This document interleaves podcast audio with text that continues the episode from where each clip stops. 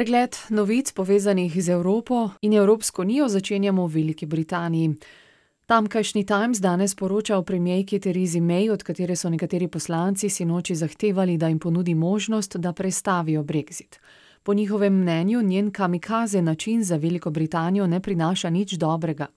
Te, ki izstopu iz Evropske unije nasprotujejo, sedaj obtožujejo sabotaže pogovorov med Londonom in Brusljem.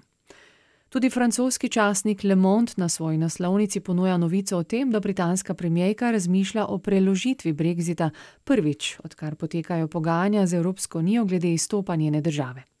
Slovenske finance pa danes svoje bralce obveščajo o tem, da Evropska komisija išče nove sodelavce za znanstvene raziskave, natančneje Evropski urad za izbor osebja. Iščejo se upravni uslužbenci na številnih področjih, med drugim tudi na področju vrednotenja politik, vesoljskih in telekomunikacijskih aplikacij, znanstvenega komuniciranja in jedrskih raziskav. Večina delovnih mest bo na številnih lokacijah skupnega raziskovalnega središča Evropske komisije v Evropski uniji, še dodaja časnik.